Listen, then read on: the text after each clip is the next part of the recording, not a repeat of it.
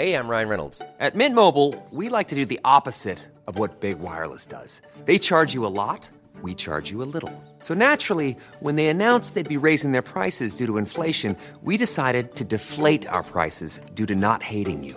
That's right. We're cutting the price of Mint Unlimited from $30 a month to just $15 a month. Give it a try at mintmobile.com slash switch. $45 upfront for three months plus taxes and fees. Promo rate for new customers for limited time. Unlimited more than 40 gigabytes per month. Slows. Full terms at mintmobile.com.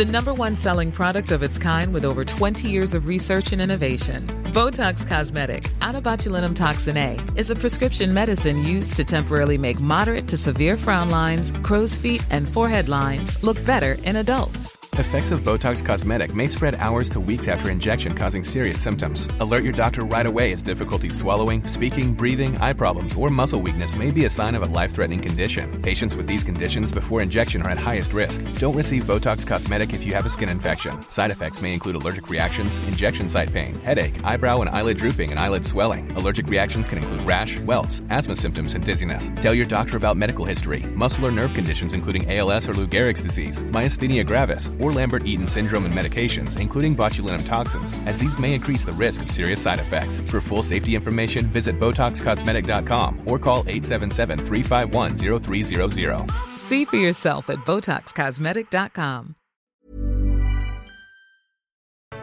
Hej älskade Snacka snyggt-kompisar! Idag ska du som tycker det är svårt att hitta en skriftlig balans i sms och mail och förhålla dig till sådana här emoji-bufféer få verktyg för att få ett personligt tilltal. Men även du som vill att folk ska sitta saliga när du pratar. Du ska få lära dig den ädla konsten i storytelling. Jag, Elaine Eksvärd, är så peppad att tillsammans med producent Camilla Samek få fylla din famn med lyxiga retoriska verktyg i din vardag. Nu kör vi! Det här är Snacka snyggt. Veckans fenomen är storytelling. Och det finns ju så många tankar om storytelling så jag tänker att vi börjar med en liten sant eller falskt Camilla. Så jag kommer ge dig påståenden och du ger svaren du tror på. Känns det okej? Okay? Ja men vad spännande. Okej, då kör vi. Storytelling är bäst lämpat för skådespelare. Hmm. Eh, jag tror att skådisar är grymma på storytelling. Men jag tror nog att det här är falskt. Ja, helt sant. Det, det, det är inte bara skådisar som behärskar det. Det behöver inte vara fiktivt, det behöver inte vara ett filmmanus. Alltså skådisar är ju duktiga på att agera. Det är ju bra efter ett manuskript. Men storytelling handlar inte så mycket om ett manuskript utan det handlar mer om att dra fram en erfarenhet som man har. Så ja, ni behöver inte ha spela teater alls. Bra Camilla! Helt rätt, ett poäng, två kvar. Storytelling handlar om att vara dramaturgisk. Hmm, klurigt ändå. Mm. Jag kan tänka ja men det är... Uh, hmm, måste jag svara? Ja, sant eller falskt? Okej, okay, men man, dramaturgisk är ju att man bygger upp någonting uh, på ett bra sätt. Så då tänker jag att jag svarar ja.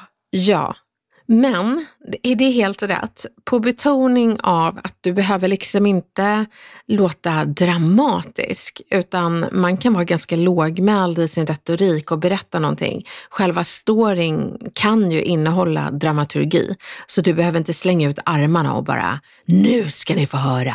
Så eh, dramaturgiskt i innehållet. Mm.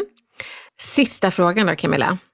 Endast 30 procent av befolkningen behärskar storytelling. Ja, men jag tror att vi är dåliga på det. Så jag säger, Elaine, att är, det är sant.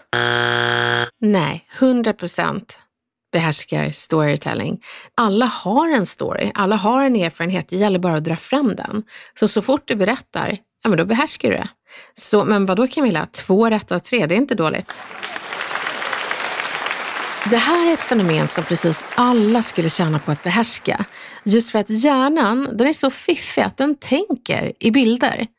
När man lyssnar på en story så lever man ju sig in i det som den som berättar delar, om hen gör det på rätt sätt. Och hur du gör det på rätt sätt, det är faktiskt lättare än man tror. Jag brukar alltid säga att ett budskap, det ska inte ut, utan det ska in. Och ett kvitto på att jag gått in, det tycker jag engelskan beskriver så himla bra med meningen I see what you mean. Så hur får du folk att se vad du menar? Det här kan du använda i alla aspekter av ditt liv. Till exempel på jobbet, du kan använda det när du sitter ett gäng på en fest och ska berätta en erfarenhet. Du kan berätta det i det här jobbiga kallpratet, minglet. Du kan till och med använda storytelling i en forskningsrapport. Det gör liksom att hela det här akademiska lättas upp med penseldrag av dina ord. Hjärnan får bilder och det blir mycket roligare att lyssna på. Berätta inte, beskriv. Många brukar berätta alldeles för mycket istället för att beskriva. Att berätta, det är ganska platt.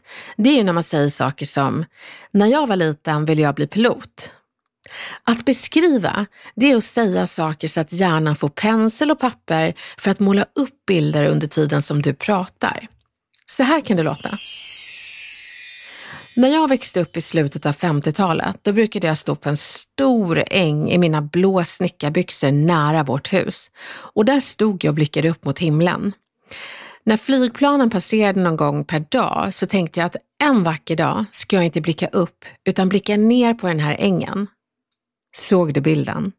Vill man vara desto mer detaljerad så kan man ge den där lilla flickan på ängen till exempel lockigt mörkt hår och kanske jord under naglarna för att hon lekte i skogen en hel dag. Var inte rädd för att dela detaljerna. Beskriv. Led dig in i berättelsen. Ditt kroppsspråk härmar det du tänker. Så när du berättar är det viktigt att du faktiskt ser bilden framför dig. För då kommer du ha inlevelse och le när du till exempel berättar något roligt Titta upp när du spanar efter flygplanet från ängen. Eller kanske hålla armarna i kors när du berättar någonting som känns jobbigt. Det är det där lilla knepet att tänka över det man pratar om, visualisera det. Det är det som ger berättelsen liv och dig inlevelse. Så led dig in i berättelsen. Använd andra stories. Vadå, ska man sno? Jättebra fråga Camilla. Nej, absolut inte, utan man ska återanvända andras berättelser och berätta vems berättelse det är. Det har exakt samma effekt. Och det kan vara extra bra om du känner dig fattig på erfarenhet. Du måste bara vara noggrann med att poängtera vem som berättade det för dig eller vem du hört varit med om det du berättar om. Det fina det är att det blir precis lika starkt trots att det inte var du som var med om den specifika händelsen. Som till exempel, jag minns en kvinna som berättade för mig om att hon drömde om att bli pilot när hon var liten. Hon berättade att efter dagar av lek i skogen nära hennes barndomshus brukade hon springa ut på ängen och blicka upp mot planen som passerade över dem någon gång varannan dag. Hon stod där i sina blå snickarbyxor och jordiga fingrar av lek i skog och mossa och så pekade hon upp mot himlen och sa att en dag ska hon blicka ner på ängen. Jag satt faktiskt på hennes plan förra veckan och blickade ner mot den där ängen. Alla drömmar går att nå. Och på 50-talet då den där flickan växte upp, då var det faktiskt en stor dröm för en flicka på landet. Knyt storyn till det du ska prata om. Vissa berättar fantastiska erfarenheter, men de har inget riktigt syfte mer än att det är en kul story. Det är kul på fritiden. Men i jobbsammanhang, forskning och alla de här situationerna jag tog upp, då är det jätteviktigt att förklara varför man berättar just den här storyn. Så förklara gärna varför du tar upp den specifika händelsen eller erfarenheten. Jag brukar säga att man landar poängen antingen i början eller i slutet av berättelsen. Eller både och. Det är aldrig fel att vara tydlig. Säg Anledningen till att jag berättar det här är att jag vill att ni siktar högt i era drömmar, inget är för stort. Eller, skälet till att jag berättade om den här lilla flickan på ängen som tittade på flygplanen, det är att jag vill att ni ska sikta högt i era drömmar. Så knyt storyn till dina poänger. Storytelling är otroligt viktigt och faktiskt nyckeln till att få in ett budskap innanför pannbenet. Tyvärr studsar gärna powerpoints på pannbenet, men inte storytelling. Den har hittat genvägar genom den här penseln och pappret som du skapar genom dina ord. Jag hoppas verkligen att du har inspiration att dela dina stories eller andras erfarenheter framöver.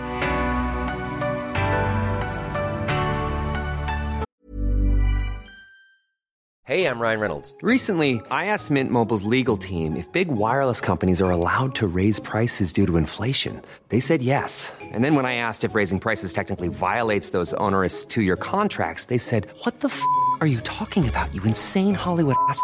F- So to recap, we're cutting the price of Mint Unlimited from $30 a month to just $15 a month. Give it a try at mintmobile.com slash switch. $45 upfront for three months plus taxes and fees. Promo rate for new customers for limited time. Unlimited more than 40 gigabytes per month. Slows. Full terms at mintmobile.com.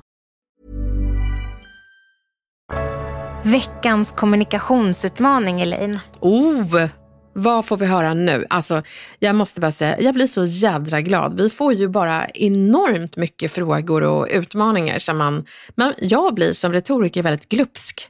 Jag vill liksom plocka alla och ta dem i ett och samma avsnitt. Men det blir många härliga utmaningar och avsnitt framöver. Ni ska bara se vad vi ser. Ni kommer ju få höra dem framöver. Men Camilla, vill du, vill du läsa veckans kommunikationsutmaning? Jajamän, jag läser. Hej Elaine och Camilla. Tack för en intressant och lärorik podd. Jag skulle vilja lära mig mer om hur jag snackar snyggt digitalt och framförallt menar jag då i skrift. Jag fnissade till lite när jag hörde ert avsnitt om digitala härskartekniker. När exemplet att skriva hela stycken i skrikande versaler kom upp. Min svärfar gör det hela tiden fullständigt omedveten om att han skriker.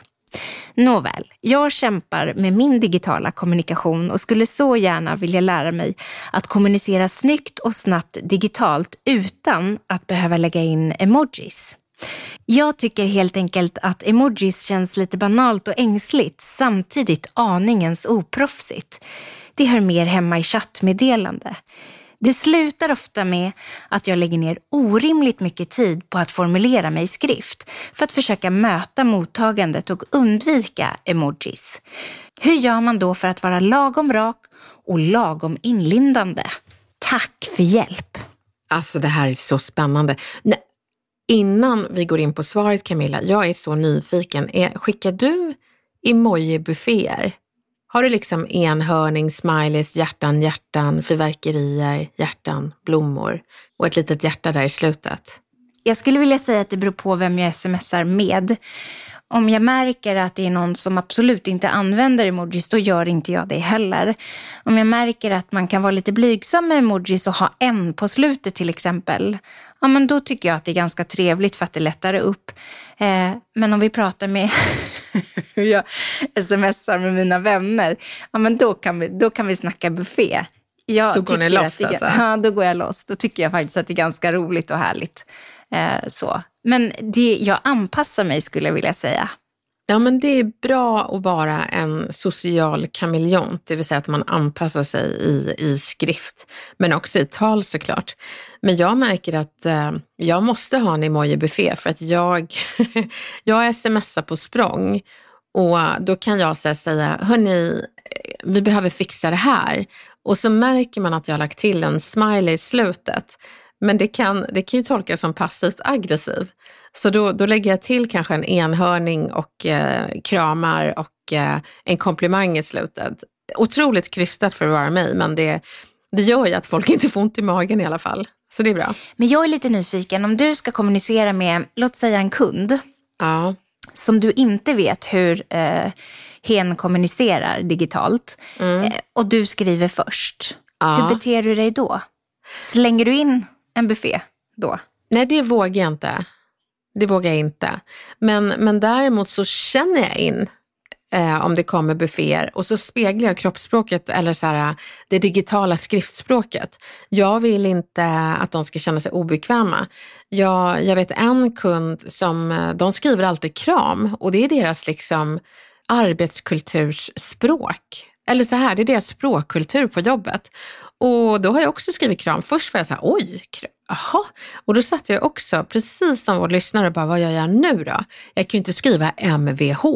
Det blir liksom, så, och det är inte så att vi står och långkramas fysiskt. Så att då skriver jag också kram. Men hade det varit fysiskt så hade jag blivit obekväm. Jag hade förmodligen bara, okej då, då, du är kund, du har rätt.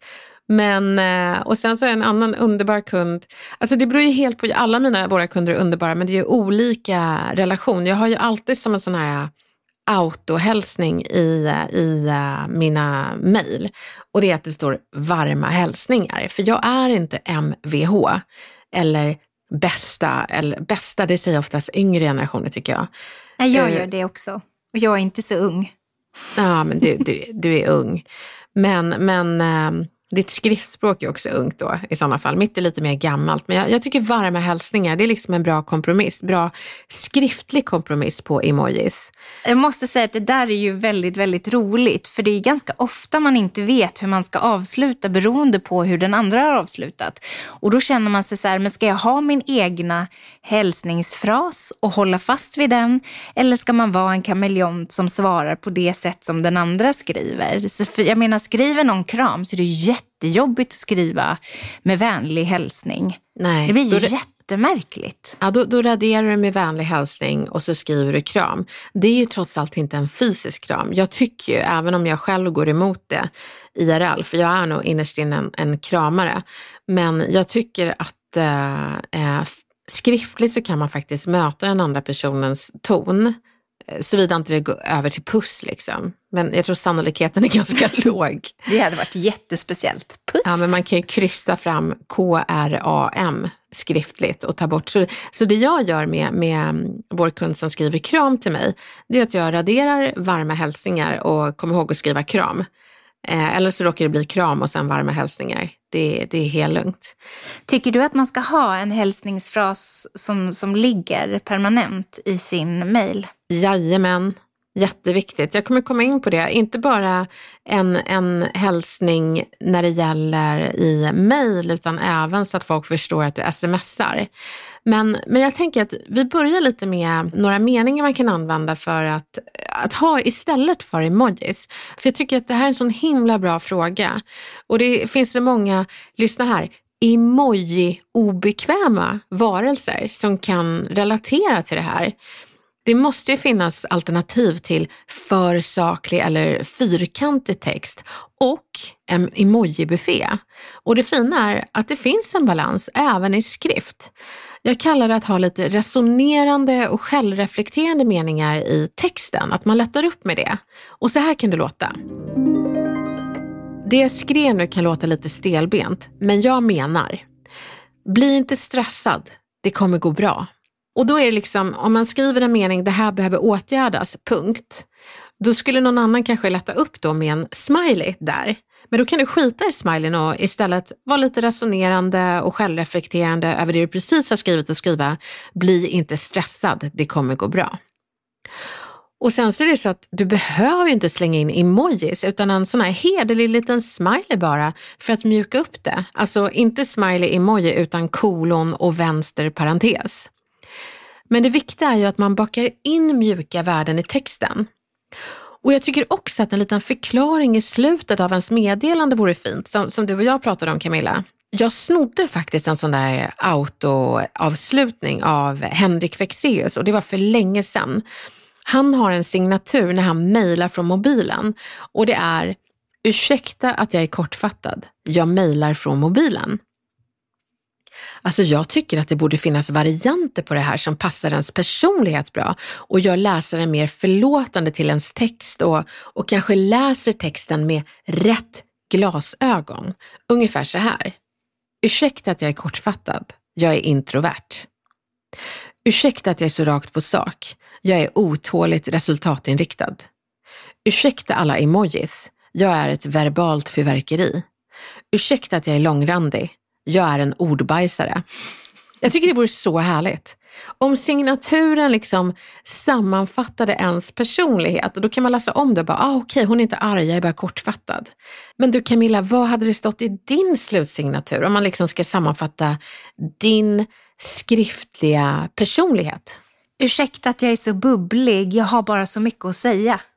Ja, ja. det är perfekt ju. Och kan inte du ändra det? Men det roliga är ju om du svarar kort på någonting, det blir bra och sen så bara, ursäkta att jag är så bubblig. Nej, det går inte. jo, det är det som är roligt. Ja, men jag förstår att du tycker det, Elaine.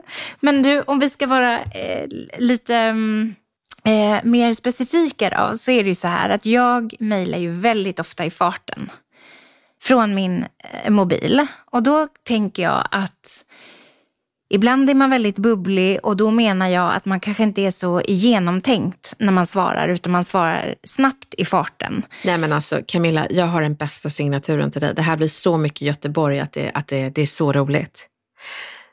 Ursäkta, eh, jag mejlar ofta i farten. Det är för att jag är så bubblig. I, I magen. magen. Skitkul. Jag älskar farten och bubblig. Det, alltså det, det skulle få alla att smälta. Om man kan få folk att avsluta Um, liksom, när de har läst ditt mail, så gör de det med ett leende. Då har man lyckats. Då blir liksom det eftersmaken av varje gång du mejlar.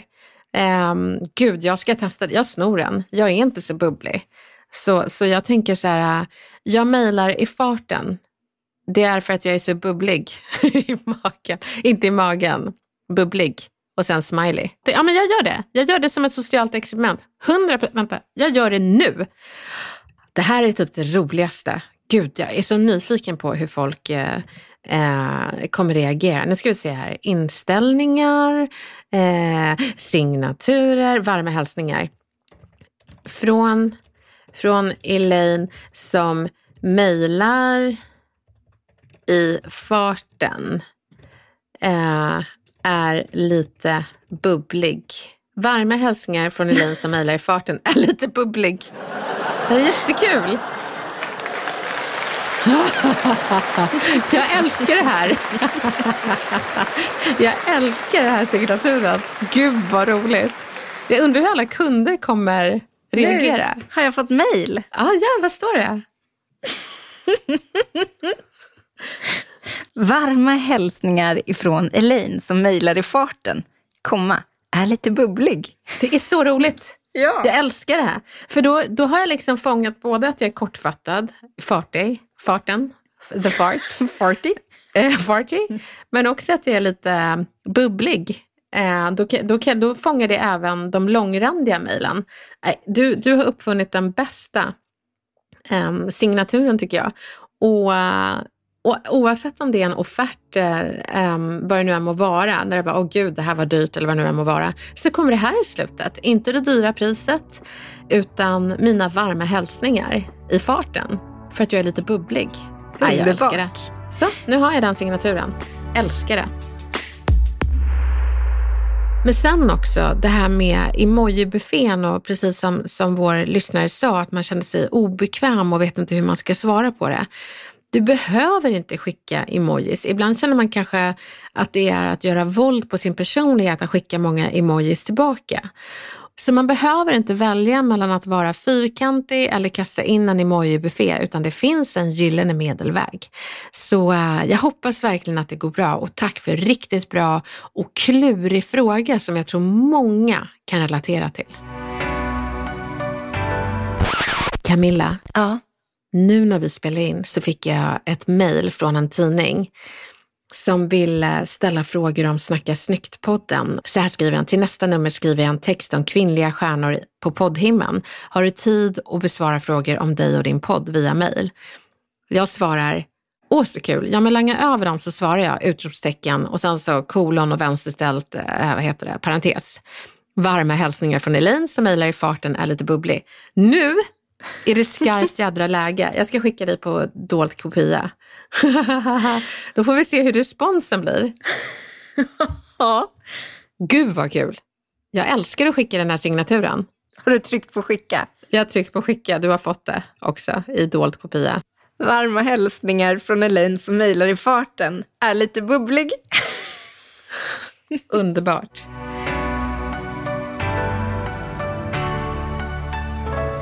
Jag är så nyfiken på veckans retoriska hemlighet. Ja, och veckans retoriska hemlighet, det är ingen mindre än Mia Törnblom. Livet suger regelbundet. Det kan jag inte ändra. Men vad jag gör, det är att jag hjälper er att vara bättre förberedda nästa gång det suger. Förutom att Mia Törnblom är en av Sveriges mest framträdande föreläsare inom självkänsla, ledarskap och en massa andra bra saker, så är hon också en person som får folk att vilja lyssna och hon är trovärdig. Men hon är inte den där trovärdiga tråkiga som berättar sina långa akademiska titlar och muttrar att jag har minsann jobbat här i 38 000 år. Nej, hon har en annan sorts trovärdighet som jag tycker du ska inspireras av. Den där blandningen av mänsklig sprudlande trovärdighet.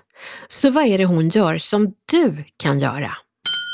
Blotta halsen och knyt dem till lärdomarna. Mia frontar inte titlar utan hon frontar sina dippar i livet.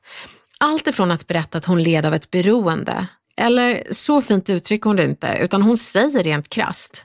Jag var en knarkare. Men hon tar heller inte simtag i självömkan, utan hon går vidare till lärdomarna som hon vill ge alla som lyssnar. Och hon gör det med en ödmjuk pondus. Lyssna på den formuleringen. Ödmjuk pondus. Det är någonting jag tycker alla borde ha. Hon säger inte vad bra jag är, utan vi tänker fan vad bra hon är. Så berätta någon motgång och berätta också vad du har lärt dig av dig. Blotta halsen och knyt dem till lärdomarna. Hon bjuder på och skrattar åt sina missar med oss. En som lärt sig mycket har ju en hel del missar och skämskuddar att bjuda på. När det har gått en tid så kan man faktiskt skratta åt det där professionella massmejlet som man skickade till jättemånga chefer, men man låtsades att det bara var till en person och det var det tilltalet man hade. Men du glömde ju att skicka det på hemlig kopia. Att bjuda på det, skratta och sen berätta vad folk kan göra för att slippa skämskuddarna, det är ett sympatiskt sätt som ni använder och du kan göra samma sak. Bjud på dina missar och knyt dem till hur andra kan undvika dem. Jag har ingen aning, men hen vet. Mia berättar att hon inte har en lång akademisk utbildning, men hon refererar till citattecken smarta människor som vet, slut på citat. Och det blir en sorts trovärdighetsförstärkning till budskapet som Mia vill att vi ska ta till oss. Använd den metoden du med. Det är inte fel att inte veta. Det är till och med mänskligt att medge det. Men det är helt rätt att citera smarta människor som vet. Kör den metoden du med. Så ta Mias hemligheter till den där mänskligt sprudlande trovärdigheten och folk runt omkring dig, de kommer ta till sig ditt budskap och din pondus med värme och ett leende. Tack Mia för att vi fick djupdyka i dina retoriska tricks och den här ödmjuka pondusen. Det är så roligt att kunna studera genier i kommunikation på olika sätt och det är ju liksom det som gör att vi utvecklas retoriskt och ger oss det där sexpacket i kommunikation. När vi är hemliga retorikexperter, lyssnar på beundransvärd retorik, lär oss, gör om och gör på vårt sätt. Så nu Mia ska vi göra din ödmjuka pondus på vårt alldeles egna sätt. Jag är så glad att ni ville lyssna på ytterligare ett avsnitt av Snacka snyggt och hoppas att ni som står i gränslandet av emoji-buffén och sakligt trist nu har hittat en gyllene medelväg. Och jag hoppas också att du förstår att storytelling inte kräver en titel, utbildning, teaterskådespel eller ett flådigt namn. Det behövs bara erfarenhet, din eller någon annans. Och en verbal förmåga att ge penslar så hjärnan kan måla upp din story. Så roligt att du lyssnade. Vi hörs snart igen.